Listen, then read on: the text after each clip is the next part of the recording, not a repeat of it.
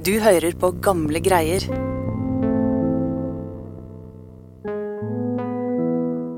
Vi befinner oss i Tyskland høsten 1939. Etter over 20 år med fred er krigen tilbake i Europa når tyske soldater angriper Polen den 1. september. Tross seier oppdager tyskerne at de har et følgende problem. Kartene som brukes i hæren er utdaterte. Etter invasjonen bestemmer de seg for å gi hærens kartavdeling store ressurser. Nå skal ikke hæren bare operere som et arkiv. Det skal bli hærens trykkeri og kartforlag og sørge for at det tyske militæret alltid har de nyeste kartene over andre land til enhver tid. Og snart retter de oppmerksomheten mot Norge.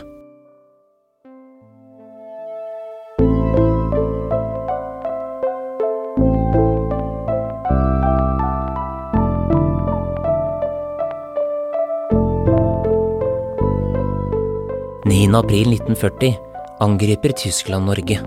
Dårlig utstyrt skal norske soldater kjempe tappert mot fienden, som ikke bare var bedre trent. De var også i besittelse av de mest oppdaterte kartene av Norge noensinne. Kart som var blant annet hamstret inn på Karl Johan noen måneder tidligere. Det må ha vært sjokkerende når de tar fram en stor palle med helt nytrykte, ubretta, detaljerte kart over området. Og det var altså de kartene som var kjøpt på eh, Kammermeier på Karl Johan bare noen måneder tidligere.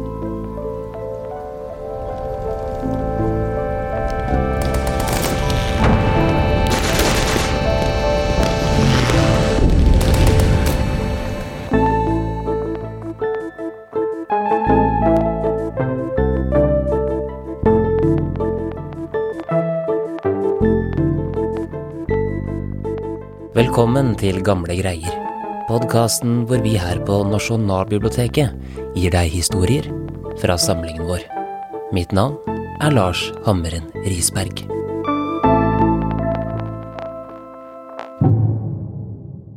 Angrepet på Norge i 1940 er jo ei kjent historie. Alle har hørt om eh, Blykjer og Kongens nei.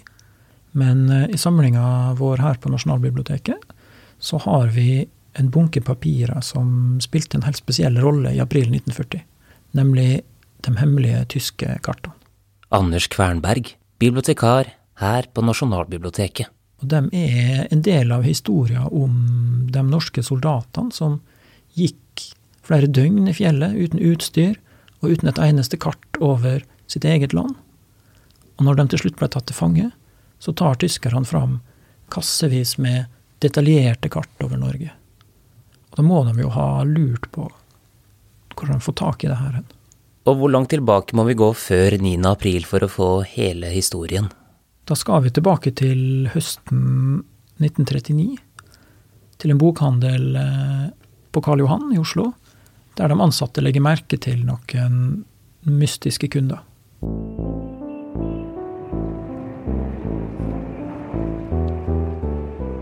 Allerede i september så la man merke til at det begynte å dukke opp eh, folk fra den tyske ambassaden på flere bokhandler i Oslo.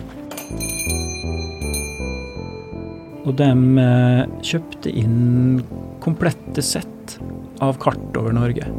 Altså alle, alle kartene de fikk tak i, egentlig. Ett av hver. Sjøkart og veikart, fylkeskart, kart over Oslo, Bergen, Trondheim. Alt mulig. Her driver altså tyskerne og hamstrer inn kart, og det er ikke så lenge siden de heller angrep eh, Polen og havnet i krig med Frankrike og Storbritannia. Og med den bakgrunnshistorien så må jo ha disse innkjøpene vekket mm, stor eh, mistenksomhet, for å si det mildt, hos eh, nordmennene? Ja, det blei jo lagt merke til at, at tyskerne kom og kjøpte opp komplette sett, ett av hver. For det er jo det er jo liksom definisjonen på mistenkelig oppførsel. Og en av bokhandlene på Karl Johan, Kammermeiers bokhandel, den lå der som Tanum ligger på, på Palais i dag. De sendte et varsel eller en sånn bekymringsmelding til Utenriksdepartementet. Og da skrev de eh, Jeg har det brevet her. Der er til vårt firma i de siste uker innkommet i stadig større utstrekning bestillinger fra særlig Tyskland på norske sjøkarter. Nettopp i dag er det ytterligere en bestilling på ti sett av praktisk talt samtlige nummer fra Lindesnes til Hammerfest. Og så spør de er det her greit, kan, kan vi sende de kartene her. Og hva svarer Utenriksdepartementet? De sendte spørsmålet videre til uh, Forsvarsdepartementet. Og altså, når, når, du ser det i dag, i, i, ettertid, så vet vi jo hva som foregikk. Og da er det jo veldig lett å, å tenke liksom, hva er det som skjer her. Uh, men de visste visste vel ikke, de var ikke synske den gangen heller. Og, og, og, departementet svarer at eh, nei, det går fint, det er ikke noe å stresse med, bare send kartene. Hva tror du er grunnen til at uh, man ikke så på dette som uh, mistenkelig? Det veit jeg egentlig ikke. Det er jo alt, alt, er jo mye tydeligere i ettertid. Og når det kommer til sjølve 9. april, så har jo noen historikere trukket fram at det kom bl.a. sånn melding fra den norske ambassadøren i Berlin at det her foregår. Men hvis du ser på hele bildet, så kom det hundrevis av meldinger om alt mulig rart.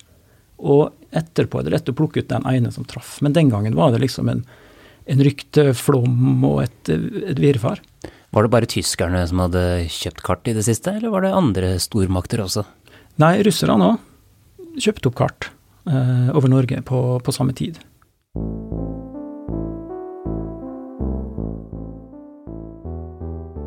Det var faktisk sånn at helt siden 1934 hadde kommanderende admiral fra Norges sjøkartverk fått opplysninger om oppsiktsvekkende kartkjøp fra fremmede makter. I en periode hadde også russerne hamstret over 2000 kart som viste deler av norskekysten. Dermed var argumentet at dette var ikke noe mer mistenkelig enn andre stormakters handlemønster, selv om Tyskland var et krigførende land høsten 1939. Det var, det var flere oppkjøp, eh, og vi vet at de fikk tak i flere komplette sett med kart over Norge, som ble sendt til det her Krigskarten und altså krigskartkontoret i Berlin. Men det er jo en annen person òg som har spilt en rolle i det her. Og han var ikke tysk, han var norsk. Han var fra Fyresdal, forhenværende forsvarsminister, som heter Vidkun Quisling.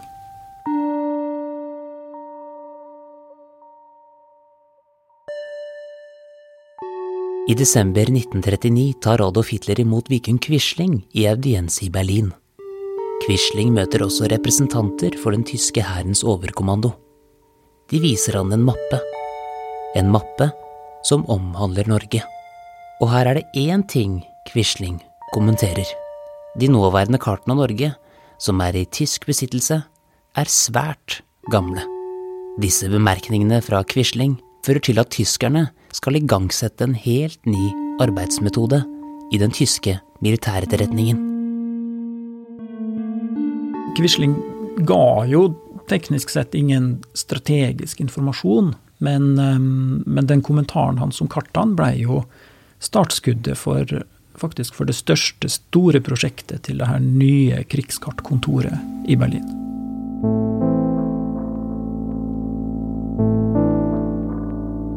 Så nå begynner altså disse forberedelsene eh, for den tyske krigsmaskinen som om noen måneder da skulle begynne å bevege seg mot Norge.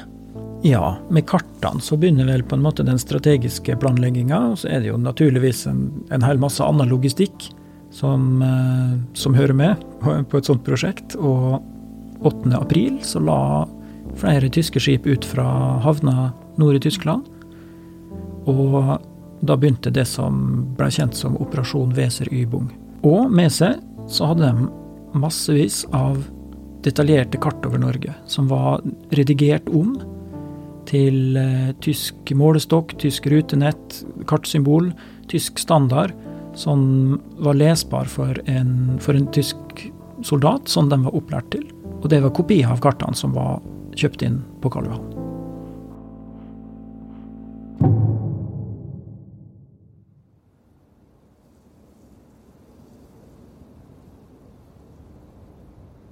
Den 9. april går tyske soldater i land i flere norske byer. Det norske forsvaret strever med å mobilisere en tilsvarende styrke på så kort tid. De som blir mobilisert, mangler det meste av nødvendig utstyr, og situasjonen er uoversiktlig. Men på tross av dette skal bl.a. Møreregimentet i Molde ta saken i egne hender. De har prøvd å få kontakt med Forsvarsdepartementet i Oslo. Men siden ingen tar telefonen, begynner Møreregimentet ferden mot Gudbrandsdalen, hvor de tror tyskerne befinner seg. De òg mangla jo det aller meste. De eh, fikk i utgangspunktet utlevert eh, fem patroner hver, og da protesterte de. Og så ble det henta fram mer fra en eller annen plass, fra, fra et skytterlag. Og de, hadde, de, måtte samle inn eh, De tok ski fra et, et, skip som lå ved kaia der, for det hadde de heller ikke. Og det som er eh, betegnende, er at de hadde jo heller ingen kart. Og dem, den avdelinga som gikk først nedover Gudbrandsdalen, var jo ikke lokalkjente heller. Det var sunnmøringer som ble sendt ned først. Og de var ikke lokalkjente, kunne ikke veien, og kunne ikke følge veien av frykt for tyske bombefly. Så de gikk jo opp i dalen, opp i liksom skogbrynet, og, um, for å avklare om det var trygt for resten. da. Og de um, finner en telefon og ringer tilbake til hovedkvarteret og sier at vi må ha kart. For ellers så får vi ikke liksom planlagt noen ting. Og svaret er at uh, det har ikke vi. Vi har ett kart, men, men, det viser en helt annen del av landet. Det er alt vi har. Men slik kan det jo ikke fortsette, og det er jo faktisk en av eh, de norske soldatene som eh, tar et ganske kreativt eh, grep her. Hvem var det? Det var eh, lagleder for det som heter 4. Kompani, eh, som heter Roar Hovden. Han var sønn av dikterpresten Anders Hovden fra Ørsta, som kanskje mange har hørt om. Og han var den som hadde ansvaret for å komme seg nedover dalen med folkene sine uten noe kart og uten noe oversikt og uten noe informasjon om hvor tyskerne var hen, egentlig. Og de går i fire døgn nedover Gudbrandsdalen uten oversikt. Um, før de kommer til uh, togstasjonen på Dombås. Og der går de inn, og han finner et uh, lite sånn turistkart over stasjonen og bare området rundt bygda. Liksom. Og det er det eneste de har.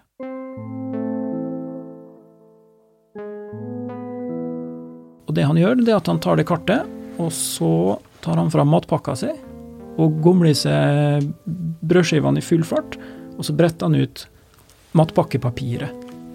Og så legger han over. Og da tar han og tegner av det kartet her på matpakkepapiret sitt. Fire stykk som han kan eh, rive opp. Så de fire avdelingene får hvert sitt lille håndtegna kart over akkurat området rundt togstasjonen. Og det er det eneste de har av liksom geografisk eh, informasjon når de skal gå inn i De veit ikke det ennå, men et par dager etterpå så skal de bli de første som går inn i et slag mot fallskjermstyrker. Datoen er 14. april, og dette er den nåværende situasjonen. Tyskerne jobber seg innover landet, fra de største byene de har besatt. Samtidig er engelske soldater på vei over havet for å hjelpe de norske styrkene. Midt inne i Norge er det ingen tyske eller engelske soldater. Så for den tyske hæren blir Dombås et viktig knutepunkt for å komme britene i forkjøpet. Og det blir besluttet å gjennomføre et fallskjermangrep i området. Denne dagen er også kongen, kronprinsen og regjeringen på vei i bil oppover Gudbrandsdalen med hensikt å komme seg vestover og unnslippe tyskerne. Men flukten blir stoppet nå som over 180 fallskjermjegere daler ned i området, hvor Møreregiment og Roar Hovden befinner seg. De blir jo tatt fullstendig på senga. De blir kjempeoverraska. For det første så hadde de ikke forventa at tyskerne skulle dukke opp så plutselig. Og I tillegg så har de jo aldri sett fallskjermsoldater før heller. Og i en av rapportene eh, i ettertid så skriver de til og med at de var veldig usikre på om det var lov å skyte på dem før de hadde landa på bakken.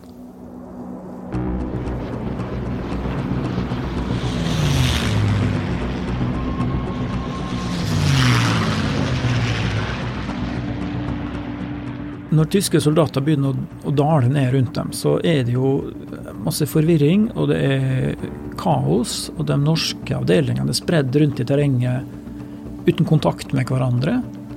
Og etter hvert så mister de jo telefonforbindelsen eh, til hovedkvarteret på Åndalsnes. Og den kommer og går, og de får gitt litt beskjeder og, og ikke. Men de får ikke koordinert og planlagt imellom seg, og de veit ikke Igjen, for å komme tilbake til kart, de veit ikke hvor i terrenget um, sine egne er. Og det er mange tilfeller av at uh, de skyter mot sine egne, f.eks., for, for de har ikke oversikt. Og de skyter mot sivilbefolkning, for de har ikke oversikt over situasjonen.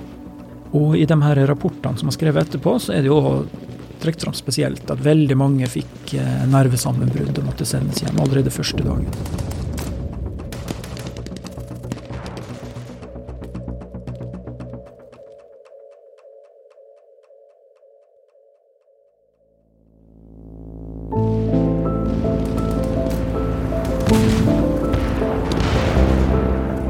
Slaget skal pågå i fem døgn. De norske soldatene angriper tyskernes stilling, men de blir slått tilbake.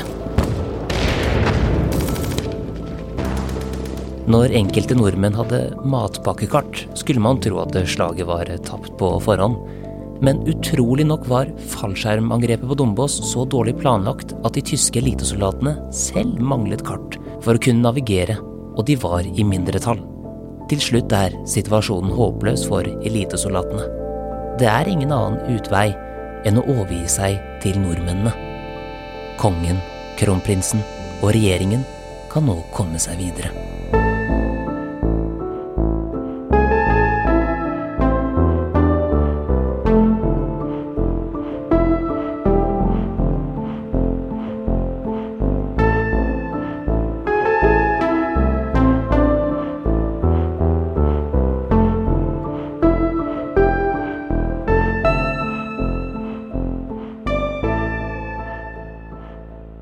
Noen eh, mener jo at eh, slaget ved Dombås var det første slaget som tyskerne tapte under eh, andre verdenskrig. Men, men, det er klart, det er jo et definisjonsspørsmål. Slaget ved Narvik noen måneder seinere overskygger jo det, f.eks. Det hadde jo veldig mye å si internasjonalt. da.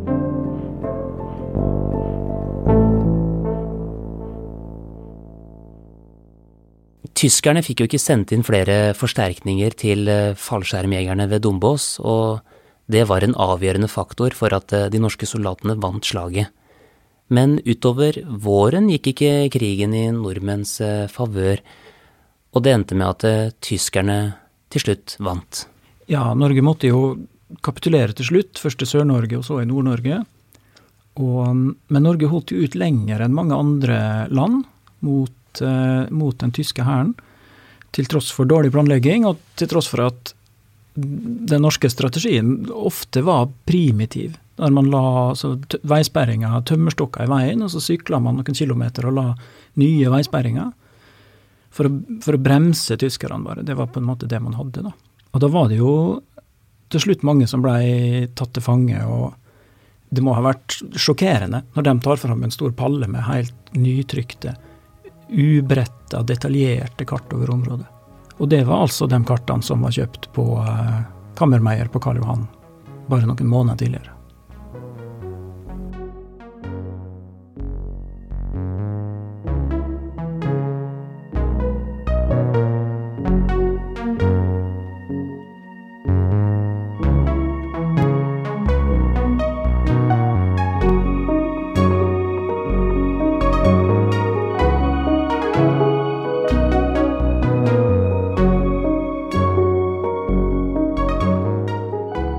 Hvis du fikk lyst til å se disse tyske krigskartene selv, så finner du dem i kartsamlingen på forsiden til nb.no. Der kan du også se britiske krigskart som for første gang siden krigen er tilbake i Norge. Og når Nasjonalbiblioteket åpner som normalt når smittesituasjonen er annerledes, kan du ta turen til vårt kartsenter, som inneholder verdens mest omfattende samling av trykte kart over Norge, Norden og nordområdene. Musikken du hørte i denne episoden, og som du hører akkurat nå, er skrevet og produsert av Therese Aune.